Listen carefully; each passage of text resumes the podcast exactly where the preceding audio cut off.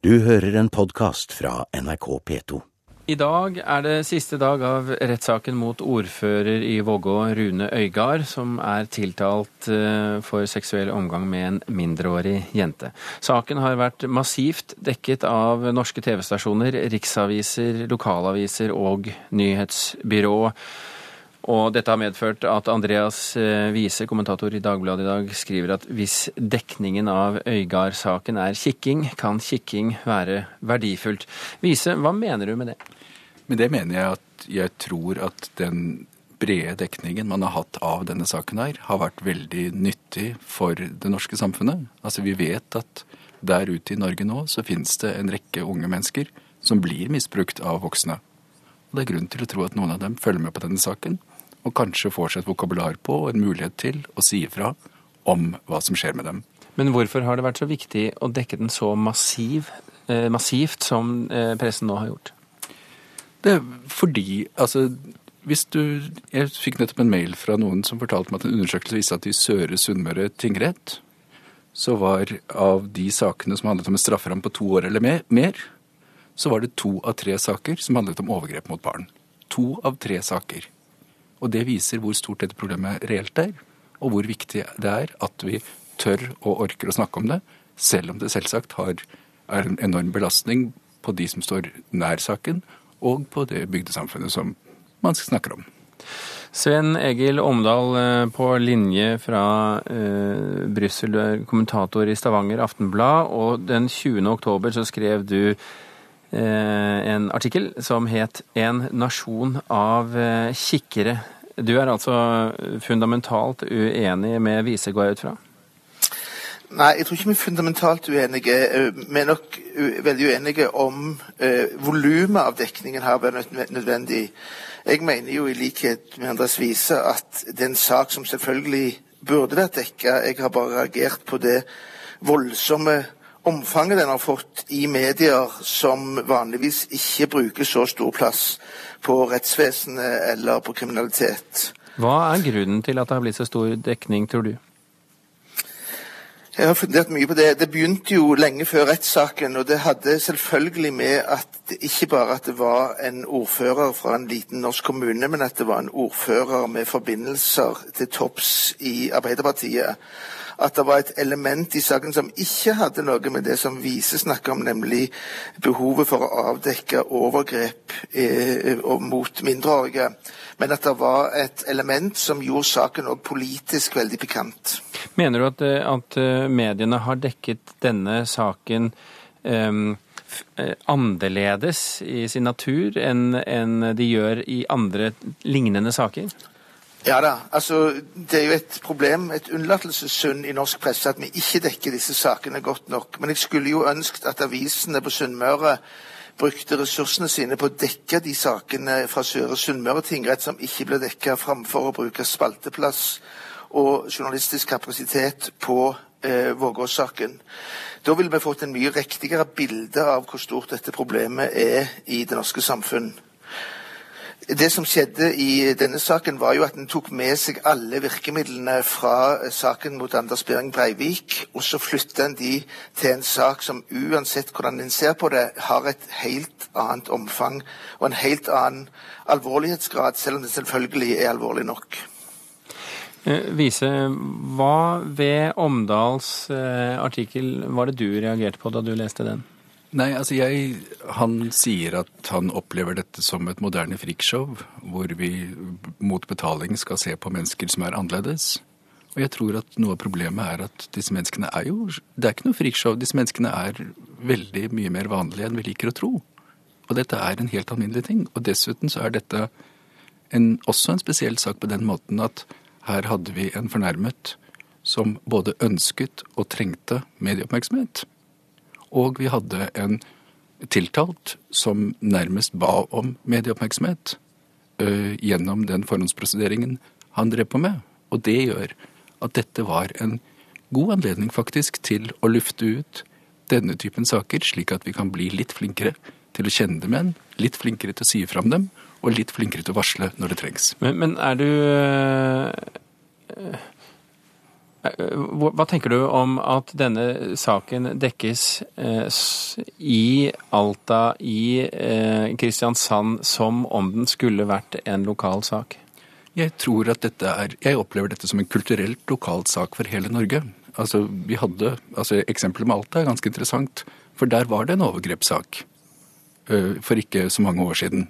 Og jeg tenker at hvis den hadde blitt bedre og grundigere dekket, så ville kanskje flere overgripere sørpå holdt seg mer på matta, og flere barn som ble overgrepet mot, ville klart å få sagt ifra tidligere. Er det ikke slik å, å, Ja, unnskyld, sett i gang. Da. Nei, men Jeg kunne lyst til å spørre Andreas Wiese, fordi at gitt at det er et antall slike saker i landet eh, hvert år, mener du da at alle disse sakene bør dekkes i dette omfang og med det trykk som er blitt gjort i denne saken? Nei, det mener jeg jo ikke. Men eh, det er vel nærmest heller du som argumenterer med at denne saken dekkes for mye. Jeg mener at med, mediene fungerer nå engang slik at de kaster en, et flomlys på én sak om gangen. Og noen slipper unna, og noen blir opplyst. Og det vil aldri kunne bli en rettferdig fordeling av dette her. Men jeg mener at dette var en utmerket sak til å vise frem hva denne typen komplekser dreier seg om, og til å vise hva problemene er. Jeg tror veldig mange har lært veldig mye av å følge denne saken.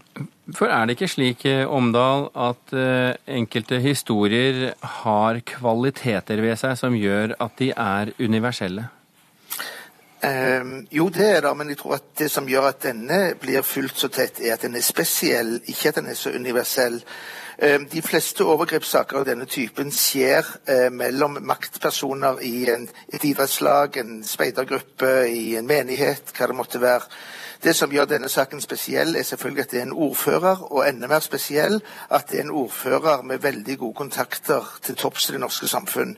Hvis en tar vekk de to elementene og gjør dette til en mer tradisjonell overgrepssak, eh, i, et, eh, i, en svømmeklubb, så ville selvfølgelig interessen vært betydelig mindre. Sånn at det er ikke overgrepet i seg selv, men det er koblingen mellom overgrep og det politiske elementet, mener jeg, som har utløst denne enorme interessen. Vise. Ja, hvis dette hadde vært en annen sak, så hadde den fått en annen dekning.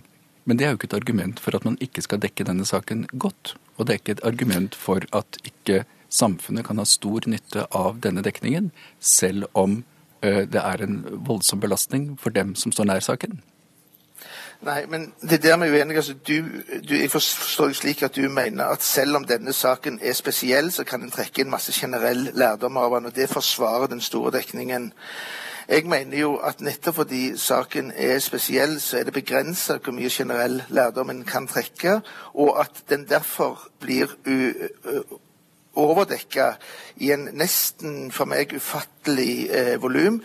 Ikke så mye av de, de, avisene som tradisjonelt dekker slike saker, men som en egen avis, eh, Stavanger Aftenblad, som eh, NRK, som har som toppoppslag i Dagsrevyen at det, har vært et, at det pågår et møte i Vågå Arbeiderparti om ordførerens tillit. Det har selvfølgelig ikke noe med overgrepsfenomenet i seg selv, men det at saken har fått slik slike unaturlige proporsjoner at selv den minste detalj i saken blir en riksnyhet.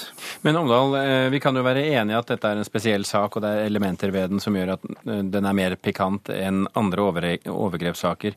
Men den er jo allikevel lik andre overgrepssaker i sin eh, natur, og derav også en universell historie. Ja, men, og det er det jeg mener at hvis den hadde bare vært det, så ville den blitt dekka på en helt annen måte og vært en lokalsak. Jeg mener jo, og det tror jeg kanskje Andreas Wiese meg er enig i, at norsk presse bør dekke dette feltet mye bedre enn vi har gjort. Vi bør avdekke hvor mye det skjer av slike overgrep. Og i den grad dekningen her kan ha bidratt til det, så er det selvfølgelig positivt. Men det tror jeg en hadde oppnådd med mye, mye mindre omfang enn det som eh, vi har sett fra, fra Gudbrandsdalen. Vise. Ja, De som driver overgrepssentre og sånn, har som motto at dette er noe man skal snakke om og ikke tie om. Og jeg har litt vansker for å forstå at, at, oppmerksomhet opp til et visst nivå er bra, men hvis det er over det, så er det bare skadelig. Det, den logikken forstår jeg ikke. Takk skal dere ha for at dere var med i Kulturnytt. Andreas Wiese fra Dagbladet og Sven Egil Omdal, eh, kommentator i Stavanger Aftenblad. Øygard-saken skaper også ganske mye interesse i sosiale medier i dag. Hvordan da, nettjournalist Espen A. Eik? Dagens eh, snakkis er en kommentar av Elin Ørjasæter, publisert på Nettavisen. Um, den har fått tittelen 'Skjønnheten og udyret'. Og i den kommentaren så framstiller Ørjasæter det som har skjedd i Vågå, nærmest som en slags erotisk fantasi. Um, teksten begynner med at en venninne av Ørjasæter har påpekt at uh, ordfører Øygard ikke akkurat ser ut som Clint Eastwood. Uh, mens Ørjasæter påpeker at jenta er klassisk vakker, rett og slett en nydelig jente. Um, og det som er vilt usannsynlig, kan altså skje. Dette er en av de vanligste drømmer hos menn til alle tider. Rune Øygard opplevde det.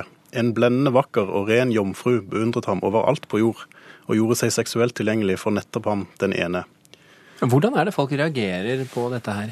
Um, meningene om den teksten er delte, sterkt delte. Um, fått veldig mye positiv uh, omtale både på Twitter og Facebook og i kommentarfeltet på Nettavisen.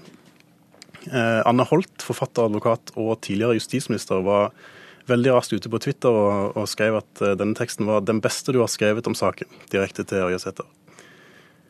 Eh, men den reaksjonen som nok har fått mest oppmerksomhet i dag, er atskillig mindre positivt stemt. Det er Dagbladets krimreporter Harald Klungtveit som mener at Ørjasæter forholder seg til saken som om det var en festlig ukebladnovelle. Han eh, påpeker, at det er et fryktelig dårlig utgangspunkt for en kommentar å oppsummere tanker mange utenfor rettslokalet har gjort seg. Um, Klungtveit, som sjøl var til stede i, eller vært til stede i retten, mener at Ørjasæter dikter ting som gir inntrykk av å være henta fra rettssalen. Um, og De to, Ørjasæter og Klungtveit, har hatt en uh, krangel gående på Twitter i ettermiddag om dette. Um, det er blitt en diskusjon bl.a. om hvor langt en kan gå i å bruke litterære virkemidler i en tekst som dette. Eh, Ørjasæter mener jo at hennes rolle ikke er som kommentator, men som blogger, eh, og at det skal gi henne visse friheter. Det er nyanseforskjell tror kanskje det vil være vanskelig for den gjengse leser å oppfatte. Takk skal du ha, journalist i nrk.no, Espen A. Eik. Du har hørt en podkast fra NRK P2.